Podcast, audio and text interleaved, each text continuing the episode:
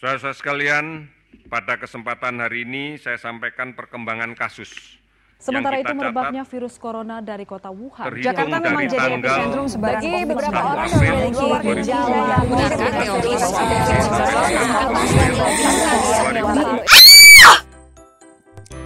Di tengah pandemi seperti saat ini, paparan berita corona yang berlebihan, ditambah dengan isolasi, bisa menyebabkan stres hingga depresi.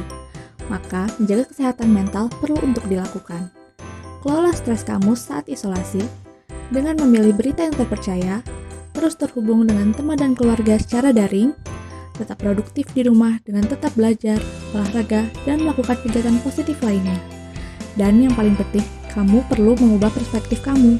Ingatlah bahwa di rumah kamu tidak menjadi tahanan, tapi dengan di rumah kamu aman.